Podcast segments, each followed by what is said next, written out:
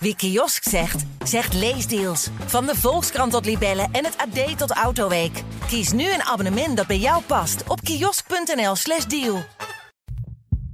Uh, ik denk, uh, er zullen wel bootjes liggen. Ik weet het niet zo goed. Hij is nu naar west gegaan, naar de, meer naar Sloterdijk, die kant, zeg maar. Westelijk havengebied heet dat volgens mij. Een grote opslagruimte met olie. I don't know anything about Bij de haven denk ik eigenlijk altijd aan Rotterdam. Meer dan 3000 voetbalvelden groot en goed voor 48.000 banen. De Amsterdamse haven is in heel veel opzichten gigantisch. Maar waarom weten veel Amsterdammers eigenlijk maar weinig van wat zich in de haven afspeelt? En is er nog wat toekomst voor de haven in de moderne stad? In Amsterdam Wereldstad, een podcast van het Parool, bespreken we een Amsterdams fenomeen en geven we antwoord op de vraag: hoe zit dat eigenlijk? Mijn naam is Lorianne van Gelder. Welkom.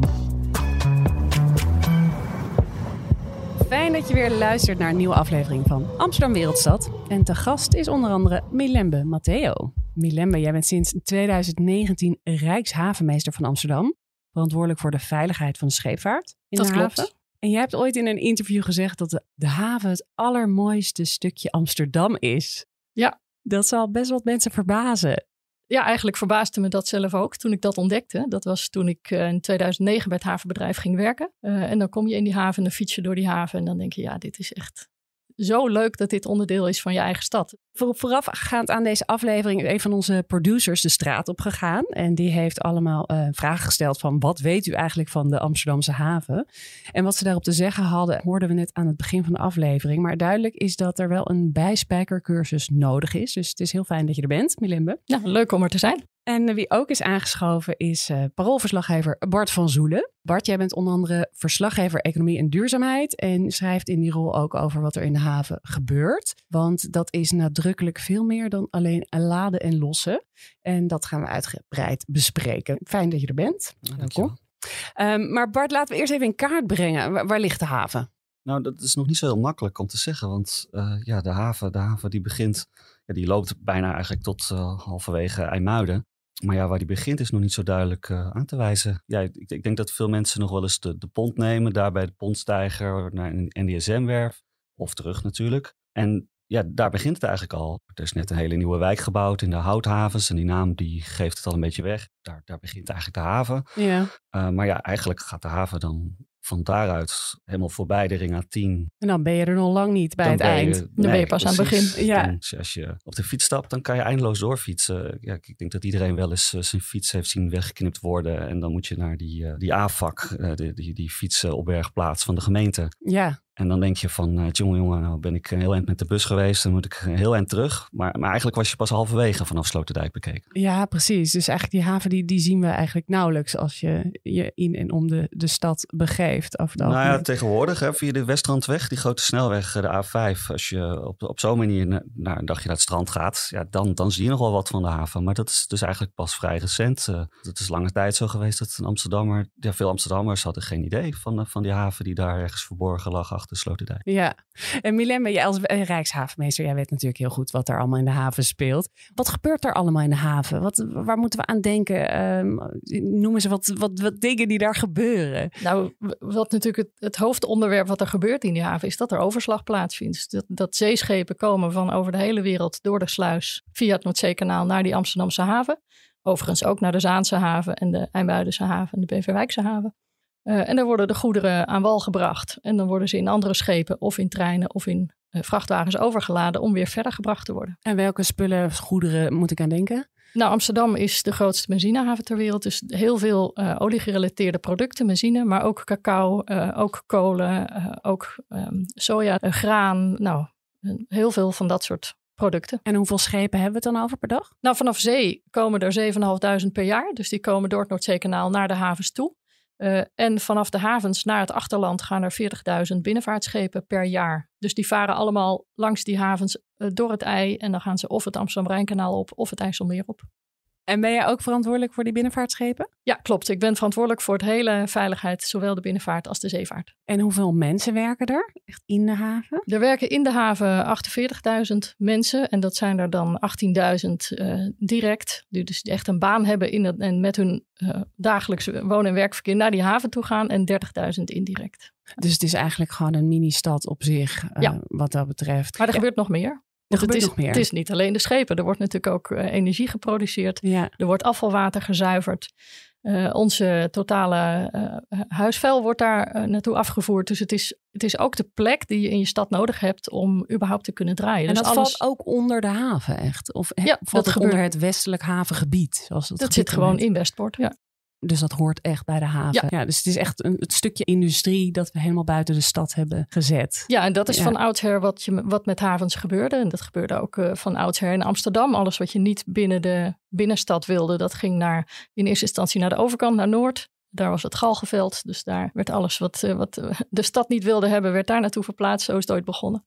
En uh, dat hebben ze natuurlijk met alle industrie die je niet in je woongebied wil hebben, hebben ze dat ook gedaan. En ja, misschien een beetje out of the box, maar als ik denk aan een haven, denk ik toch ook wel een beetje aan, aan al die criminele activiteiten die dan gebeuren in Antwerpen en Rotterdam. Dat gebeurt hier ongetwijfeld ook. Okay. Uh, overal waar je grote onherbergzame of, of gebieden hebt waar je weinig toezicht hebt en waar je, ja, daar gebeuren dit soort dingen. En dat, daar kunnen we in Amsterdam onze ogen niet voor sluiten. Dat gebeurt hier ook. Maar je hebt niet hier al die containers die binnenkomen en uh, waar dan stiekem iets in wordt gestopt. Dat, we hebben niet zoveel containers als in Rotterdam. Rotterdam nee. is natuurlijk echt de containerhaven. Maar we hebben andere goederenstromen. En uh, ja, de, de invoer van drugs die zijn heel slim en die zijn alles vooruit. Dus zodra het toezicht op containers versterkt wordt, dan verzinnen ze andere manieren. Ja, ja precies. Hey, maar Bart, de haven heeft op verschillende plekken in de stad gelegen. Jij zegt, nou, zei net al, ja, ja, die houthavens, dat is inmiddels gewoon een hele mooie wijk. Maar um, eerst was het ook deels aan, aan het Dambrak, of in ieder geval voordat het Centraal Station er was, was dat echt de haven. Uh, en ik me te herinneren uit de geschiedenisboeken, zeg maar. En, en, en later is het ook naar het oosten van de stad uh, verhuisd. Nee, je zou zelfs kunnen zeggen dat dat nog steeds een beetje is. Want er liggen nog steeds wel schepen aan de kade daar, of, of duwbakken in het water. En aan, aan, de overkant, aan de noordkant, ligt ook nog een scheepswerf. Dus er zijn zelfs nog wel gewoon echt wat havenactiviteiten. Maar ja, langzaam maar zeker uh, wordt, het, wordt het de stad uitgeduwd. Ja, dat is eigenlijk al honderden jaren aan de gang. En ja, met deze generatie uh, gaan we dat waarschijnlijk nog weer een stukje verder opschuiven. Ja, we, we willen niet al die industrie en veiligheid in de stad. Kun je iets zeggen over, over die relatie van de stad en de haven? Hoe, hoe ziet dat er nu uit? Ja, heel veel Amsterdammers hebben dus geen idee. En het is ook wel lastig aan te wijzen van ja, er zijn niet echt spullen die heel concreet uit de haven naar, bij Amsterdammers komen. Het is niet zo concreet als in IJmuiden, uh, waar, ze, waar ze heel veel staal en vis hebben. En, en waar je als, als consument ook gewoon een vis kunt gaan eten. Ja. Um, ja, zo duidelijk is dat hier niet. Maar er is wel grote, uh, bijvoorbeeld een grote terminal voor auto's, waar mensen die uh, een Tesla besteld hebben. Een paar jaar terug was dat in elk geval zo. Dan was het daar heel druk op het moment dat er een groot schip was aangekomen met allemaal Tesla's. Oh ja. En die werden daar dan opgehaald door Nederlanders die daar de, een Tesla besteld hadden. Dan kon je echt even je pakketje ophalen, zeg maar. maar dan nou ja, zo concreet is het soms. Maar ja, in, in de praktijk is het in Amsterdam heel divers. Ja, en dus heel veel energie, heel veel, veel, veel steenkool, heel veel benzine. En Milemme, waarom voelt Amsterdam voor veel mensen niet meteen als havenstad? Want ik denk, ja, op zich is het altijd een, een, een stad met een haven geweest. Maar ik, ja, ik denk toch eerder aan Rotterdam of Antwerpen of Hamburg. Ja, als ik, het, uh, ja ik denk, denk dat het grote verschil met Rotterdam is dat Rotterdam is een haven met een stad. Dus daar is in het DNA van de, van de mensen die daar ook veel hebben gewerkt, is dat veel dieper verankerd. En is het ook een soort eh, trots. Dus is het echt onderdeel van je... Ja, precies. Het is echt ja. een identiteit. Het is echt een stuk van de identiteit. En in Amsterdam is dat, is dat nooit geweest. En is dat... Vroeger denk, ook niet? Nee, ik denk niet op deze manier. Nee. Uh, zoals in Rotterdam. En ik denk ook niet dat dat komen gaat. Uh, waar ik hem bijvoorbeeld in Amuiden wel veel sterker voel. Daar ja. zit wel echt die trots, uh, die trots op het havengebied. Want als, als havenmeester ga ik ook over het Noordzeekanaal-gebied en over de, de aanloop van de schepen. Dus die van zee via de sluis binnenkomen. Dus ja, ik heb veel contact voor, voor, de duidelijkheid, we liggen niet aan zee als Amsterdam. Nee, we liggen niet aan zee. Hebben we vele pogingen toe gedaan. En gelukkig is het gelukt met het Noordzeekanaal. Ja. Wat in, uh, uh, nou, inmiddels 150 jaar geleden is aangelegd. Uh, waardoor er ook een sluis moest komen. Dat is ook een ander groot verschil met Rotterdam. Rotterdam is een getijdenhaven. Waar dus het getij tot diep in de havenbekkens zijn spel speelt. Dus eb en vloed voel je daar gewoon. Ja. ja. Daar het ook het havengebied op ingericht. En dat hebben wij niet. Wij hebben een sluis. Wat weer hele andere uitdagingen met zich meebrengt. Maar dat is, uh, dat is voor ons uh, echt wezenlijk onderdeel van die haven. Want wat is het grootste verschil voor een groot schip dat aankomt hier versus Rotterdam dan? Dat hij hier rekening moet houden dat er op, op één moment in de tijd moet, uh, moet het allemaal bij elkaar komen. Namelijk dat uh, het slot in de sluis beschikbaar is. Dus dat hij binnen kan komen. Dat hij op dat moment dus een loods aan boord heeft. Dat hij sleeboten heeft. En dat moet allemaal samenkomen op hetzelfde moment in de tijd. En dan moet het getij ook nog meewerken. Oh ja. En dan kan hij geschud worden dat is dan zo'n zo'n nautische term. Een schip wordt geschud en dan kan hij naar binnen. En wat is geschud? Schutten is als je het water aan de ene kant en de andere kant van de deur gelijk maakt. Ah ja. ja. Dus je, de, de sluis is ervoor om een hoogteverschil in water te overbruggen. En dat proces waar, waar een schip dan doorheen moet, dat heet een schip schutten. Hoeveel hoogste verschil is er? Dat verschilt. Het hangt af van of het eb of vloed is en van het kanaal, het, het pijl van het kanaal. Ja. Uh, en uh, als, het, als het verschil klein is, is het uh, nou 30, 40 centimeter. En als het groot is, is het een meter, 1,20 meter. 20. Dus ja. wel heel veel hoor. Dus eigenlijk een beetje het verschil van op de begane grond aan, aanmeren en met een lift naar boven moeten gaan, bij wijze van spreken. Of ja, ze hebben altijd dat liftje nodig. Ja, ja. ja, precies. Of ze nou naar binnen gaan of naar buiten gaan. Ja. ja. En op welke manier zou jij zeggen dat de haven ja, belangrijk is in het leven van Amsterdammers? Ik denk dat het heel erg verbonden is met de historie. Dus dat het ontstaan van Amsterdam via die, via die havenactiviteiten en via dat water, dat, ja, dat is wel echt een groot uh, kenmerk van Amsterdam. Uh, en wat Bert net ook zegt, het is, het is die plek die je in je stad altijd nodig hebt. Uh, voor alle dingen die vies zijn, die herrie maken, die geluid maken, die stinken. Ja. en dat heb je ook onderdeel nodig als stad. Ja, ja, precies. Want je moet toch ergens je afval verbranden of ja. je, je, industrie. je moet ergens lawaai kunnen maken, ja. je moet ergens.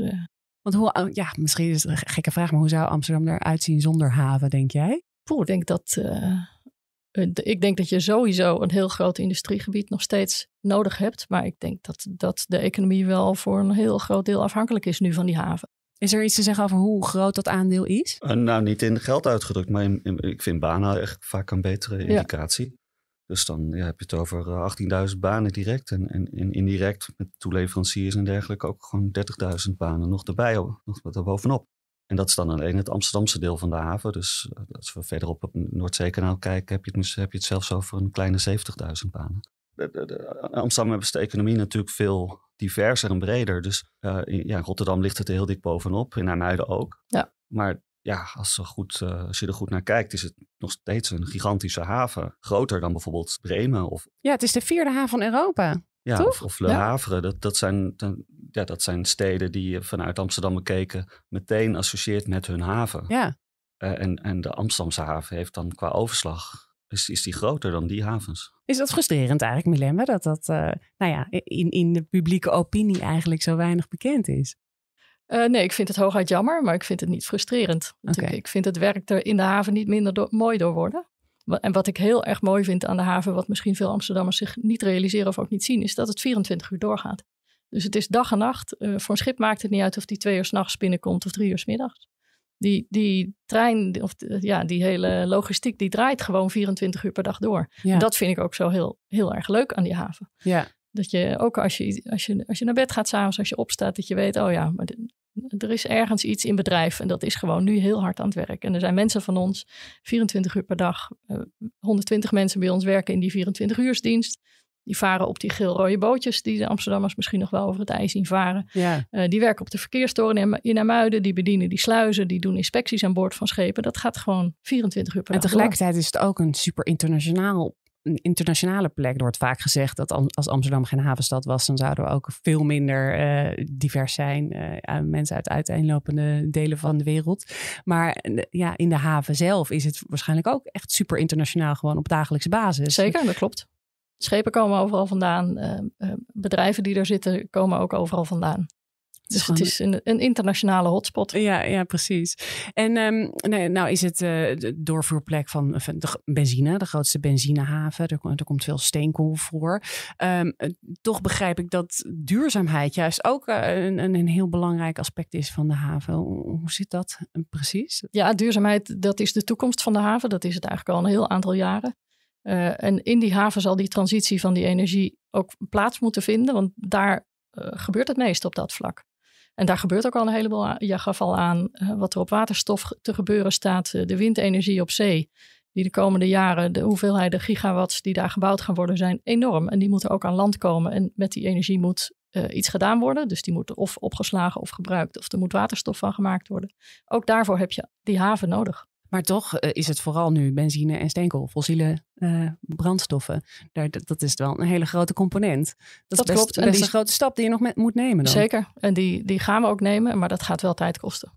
Want- Want Bart, jij was eh, afgelopen week ehm, ja, bij, een protest ook tegen steenkool. Hoe, hoe bezie jij dat ook als verslaggever duurzaamheid? Hoe complex is die opdracht? Nou ja, dat is op zich een hele lange weg te gaan. Eh, eh, de benzine, vooral de benzineoverslag, ja, dat zal tot 2050. eh, ja, zullen we gewoon ook die benzine nodig hebben. Dat, dat zal toch de praktijk zijn. Als het gaat om steenkool, gaat het nu heel hard. Al zes jaar geleden heeft, heeft de haven in Amsterdam gezegd van, van daar willen we vanaf. En wel in 2030 moet het zover zijn. Nou ja, nu, nu is, de eerste van de drie steenkoolterminals is eigenlijk al, al leeggeruimd. En, en die eh, wordt nu gebruikt voor hele andere dingen. Eh, dus het, ja, de kop is eraf. Maar er is ook nog wel weer een lange weg te gaan. Omdat eh, En het is ook niet alleen maar voor ons. Het is juist voor eh, het is juist Duitsland voor, en voor zo. de kolencentrales in Duitsland die weer meer zijn, worden gebruikt eh, sinds de oorlog in Oekraïne. En, en sinds we geen Russisch aardgas meer willen gebruiken. Ehm, ja, worden die kolencentrales weer meer gebruikt. En dan gaan er dus ook weer meer kolen via eh, Amsterdam naar Duitsland. Eh, ja, dus er is een hele lange weg te gaan. Maar goed, die ruimte hebben we daar natuurlijk ook wel. eh, het gaat ook, ook niet alleen om energie, maar misschien nog wel veel belangrijker ook om, om grondstoffen. Het hele idee van een economie die, eh, ja, die misschien wel eh, circulair kan worden door heel veel meer recycling en hergebruik van grondstoffen. Ook daar heb je ruimte voor nodig. Gewoon letterlijk ruimte, zeg je dan. Ja, ruimte om, om die, die grondstoffen dat, ja, een kleine bewerking te geven of tijdelijk op te slaan. Of, of nou, zoals eigenlijk al ook al wel gebeurt in de Amsterdamse haven. Dat, die, die is daar ja, een beetje stiekem eigenlijk best wel, eh, best wel sterk in al. Met, met heel veel schroot en bouwstoffen. Beetje Ehm. stiekem. Jullie geven er niet genoeg rugbaarheid aan. Nou ja, Misschien, wat een heel, heel mooi voorbeeld wat even aanhaakt op de voetbalvelden, is dat eh, alle kunstgrasvelden in Nederland worden in de haven gerecycled. Dus Oh. die worden daar uitgeklopt. Dan wordt al het rubber en het eh, kurk wordt gescheiden. Dan worden ze helemaal geschredderd en worden ze als nieuwe grondstof weer aangeboden. Oké, dus af en toe moet even het veld vervangen worden. En eh, dat, eh, dat wordt bij jullie dus even Ja, En helemaal leuk- tot nieuw gemaakt. dat vind ik bijvoorbeeld een heel leuk uitje om op de fiets heen te gaan. Je kunt er gewoon naartoe fietsen. En dan Oh, zie je ja? al die hele grote rollen kunstgras. Oh, dan zie je letterlijk die groene rollen. liggen, ja. Oh, grappig, ja. En, en ja, verder, eh, je noemt, Bart noemde al ruimte. Eh, het is natuurlijk heel aantrekkelijk, al die ruimte daar. Eh, ik kan me voorstellen dat er nou ja, nogal wat uitdagingen liggen in, in dat Amsterdam graag wat ruimte van die haven af wil snoepen. Er zijn ja, discussies over de cruise terminal, die nu nog eh, in het centrum ligt eigenlijk. Eh, er wordt gesproken van een, een, brug en een tunnel. Eh, later zullen we het ook nog even over de havenstad hebben. Hoe, zie jij die uitdagingen, Milembe? Nou, de uitdagingen vanuit mijn perspectief gezien zijn echt het goed bereikbaar houden van die haven. Dus dat betekent dat je, eh, dat je samen met Rijkswaterstaat zorgt dat dat Noordzeekanaal goed toegankelijk blijft. Eh, er wordt op dit moment geïnvesteerd in een, in een zoutdam bij de sluizen om te zorgen dat we niet eh, bij droogte te veel zout dat kanaal binnenkrijgen. Ehm, eh, dat heeft ermee te maken dat we een grotere sluis hebben aangelegd, waardoor er twee keer zoveel zout per schutting, dus per ronde dat je met schepen naar binnen gaat, maar naar binnen komt. Ja. Nou, dat, dat moet weer gemitigeerd, dus weer naar buiten gebracht worden. En daar zijn ze die zoutdam voor dit moment, op dit moment aan het bouwen. En als je aan de andere kant kijkt qua bereikbaarheid, dan, dan is de brug natuurlijk een, eh, een puzzel. We hebben met de stad eh, echt jarenlang eh, nou, gesteggeld, als ik het zo even mag noemen. Wordt dat een tunnel of een brug? Ja, Noord wil bereikbaar zijn. Nou, die ponten die zijn nu al hartstikke vol. Heel logisch. Je woont zelf in Noord. Ik woon zelf in Noord, Ja. precies. Ik vind nog steeds een tunnel eh, een betere optie. Maar de brug die er nu ligt, en met name dat plan wat Alexander de Hoge gemaakt heeft voor de hele stad, denk ik, ja, nu, zo kan het. En zo kan het ook nautisch veilig. En dat komt omdat de brug op een plek ligt waar het water breed is. Ja. Dus het is daar 200 meter breed. Dus je kunt een goede brug aanleggen met ook voldoende voorzieningen voor de schepen die daar nog doorheen moeten. Zodat die brug niet de hele tijd open staat of heel erg nou, dat hoog wordt, wel, dat wordt wel zo. Die brug gaat Ja. natuurlijk vaak open, want het is een hoofdvaarroute. Ja. Uh, maar het kan wel met elkaar samengaan op die plek. En die cruise terminal, ehm, ja, wordt ook ehm, te pas en te onpas gezegd, dat moet maar naar de haven. Hoe kijken jullie daarnaar? Nou, dat, dat plan ligt er ook om die, eh, om die te verplaatsen naar het westen. Eh, we hebben nu geïnvesteerd in een walstroominstallatie. Wat Om is de- dat? Een walstroom, dat betekent dat dus het schip wat daar aanmeert aan de stekker kan. Dus eigenlijk, eh, zoals je de oplaadpaal bij je huis hebt, heb je straks het grote cruiseschip wat aan de stekker kan. Eh, daar wordt nu aan gebouwd, dus die, die is operationeel in 2025. Eh, en dat betekent dat we er al eh, ook in die verduurzaming op, die, eh, op dat vlak al een behoorlijk aantal stappen aan het zetten zijn. Zodat die vieze cruiseschepen in ieder geval weer schoon zijn. En dan, eh, Nou, de cruisevaart moet, moet ook mee. Hè? Dus, die- Ja. dus we zullen in eerste instantie de schepen krijgen die daar dan ook voor geschikt zijn. ja, ja, oké. dus dat gaat ook stapsgewijs eh, Ja. die kant op. En ja, nou ja, ik noemde net al die ruimte. Eh, we hebben eindeloos woningen tekort. Bart, hoe zit het met die nieuwe wijk, Havenstad? Daar wordt ook al jaren over gesproken. Dat, eh, dat gaat ook nogal eh, ingrijpend worden. Waar moet dat komen überhaupt? Mm, Nou ja, we, begonnen dit verhaal met, eh, met de vraag van ja, waar, ligt die haven eigenlijk? Eh, toen, begon ik over houthavens. D- daar, daar zie je denk ik eigenlijk al het hele gebied waar eh, havenstad moet komen, zie je voor je liggen. Eh, aan de noordkant, eh, voor, voorbij eh, de scheepswerf, voorbij, ja, misschien zelf wel ten koste van de grote scheepswerf daar. En aan, aan de stadskant ook, ook ten koste van bedrijven die daar liggen. Er is daar, er is daar op zich ruimte voor tienduizenden woningen, maar ja, of dat allemaal in combinatie kan met heel veel bedrijven die daar ook zouden moeten blijven, als het aan de gemeente ligt, ja, dat is nog wel een hele spannende vraag. Ja, want je wil niet naast nou ja, viezigheid wonen of, of, of, of de geur of het lawaai, wat, wat Milembe zei. Dat betekent ook weer eh, minder industrie, minder bedrijven, minder, ja, minder bedrijvigheid in de haven. Hoe Ja, als, jullie als havenstad er komt, dan betekent dat dan naar een aantal bedrijven die daar nu zitten verplaatst zullen moeten worden. En ik denk dat havenstad er wel gaat komen. Het duurt nog wel twintig jaar, maar het komt er wel. Ja? Ja. En, en is, is dat een positieve ontwikkeling? eh, of, of vind je dat als, als ja, het een- jammer eigenlijk? Natuurlijk vind ik het jammer, maar het is een hele logische ontwikkeling. Kijk, die stad die vraagt ruimte om te wonen en die woningbehoefte is ook gewoon enorm groot. Ja, maar goed, gaat het dan, ja, waar gaat die haven dan uiteindelijk heen? Hoe, hoe moet die, die Amsterdamse haven er in, nou ja, pak een beetje 2050 bij liggen? Ik denk dat is als je in de hi- historie van Amsterdam kijkt, 750 jaar, dan is het nog 25 jaar erbij. Dan ligt hij nog wel op die plek. Ja? Ja, dat zeker. Ik denk, als over 25 jaar havenstad, dat is al heel snel als het dan gerealiseerd zou zijn. En Westpoort ligt dan gewoon nog op zijn plek. Daar ben ik van overtuigd. En, en die brug is dan ook gebouwd. Eh, daar ga ik vanuit dat die er dan wel ligt. Ja. En is er dan nog steenkool en benzine in 2050? Eh, steenkool niet. En benzine 2050, nee, ik denk, ik denk in een andere vorm. Dus er zijn nog energiedragers, eh, maar wellicht niet meer in de vorm van benzine. Hoe zie jij dat, Bart? Nou ja, ik denk dat ook, ja. En, en ook met ook heel veel woningen, zeker aan, eh, aan het gebied binnen de ring. En, maar dat wordt nog wel heel spannend, want eh, de gemeente ziet het zo voor zich dat het echt een gemengd eh, gebied wordt met ook heel veel bedrijven. En dan niet de, allergrootste bedrijven die heel veel stank en geluidsoverlast veroorzaken, maar wel veel kleinere bedrijven. En ja, dat wordt wel een soort eh, nieuwe stadsvorm die je misschien een beetje zou kunnen terugzien in, in delen van Zaandam, waar je heel veel van die oude bedrijvigheid hebt en heel veel woningen dicht bij elkaar. Maar ja, vooral de bedrijven die maken zich wel zorgen dat ze daar dan toch op een bepaalde manier in de knel komen met omwonenden. Terwijl je ook zou kunnen zeggen, het is juist heel mooi als dat allemaal wat meer nou, mengt. Nou, dat, dat, zou heel, zou heel mooi zijn, maar het is wel een spannende opgave en, en, ook wel iets om voorzichtig mee te zijn. Want ja, we hebben dus al opgezomd hoeveel, uh, hoeveel banen er uiteindelijk met de haven gemoeid zijn. Dat is ook iets om voorzichtig mee te zijn. Dat ja. het niet helemaal verloren gaat of zo. Nee, ja, ik, ik heb de luxe dat ik mijn werk kan doen met een telefoon en een laptop op schoot. En desnoods thuis uh, of in een kantoortuin. Maar er zijn ook mensen die, uh, ja, die werken in een werkplaats of op een kade of in een fabriek. Het, het is heel veel praktisch geschoold werk en, en, en dat, dat maakt dat het voor ja. elk wat wils is. Ja, Zeker. Ja. ja. En, en wat, is, wat is jouw visie op dat, dat de haven eigenlijk gewoon ooit van oudsher veel meer midden in die stad lag en zo. En nu veel meer naar de, de randen is verplaatst. Zou ja, dat vind juist... ik een hele logische. Dat, ja, het is dat... logisch. Maar zou het niet juist ook goed zijn als, als we het wat meer zouden zien? Ja, dat zou zeker leuk zijn. Uh, maar ik, je ziet het in alle havensteden. Die, die havens die worden gewoon naar de buitenkant uh, ver, verplaatst. En dat is een organisch proces. Dat gaat gewoon zo. Ja. En als je echt heel dicht op de haven wil wonen, dan zijn er ook zat plekken waar dat wel kan. Ik bedoel, ga je naar Muiden wonen en je woont uh, boven de visafslag. Ja.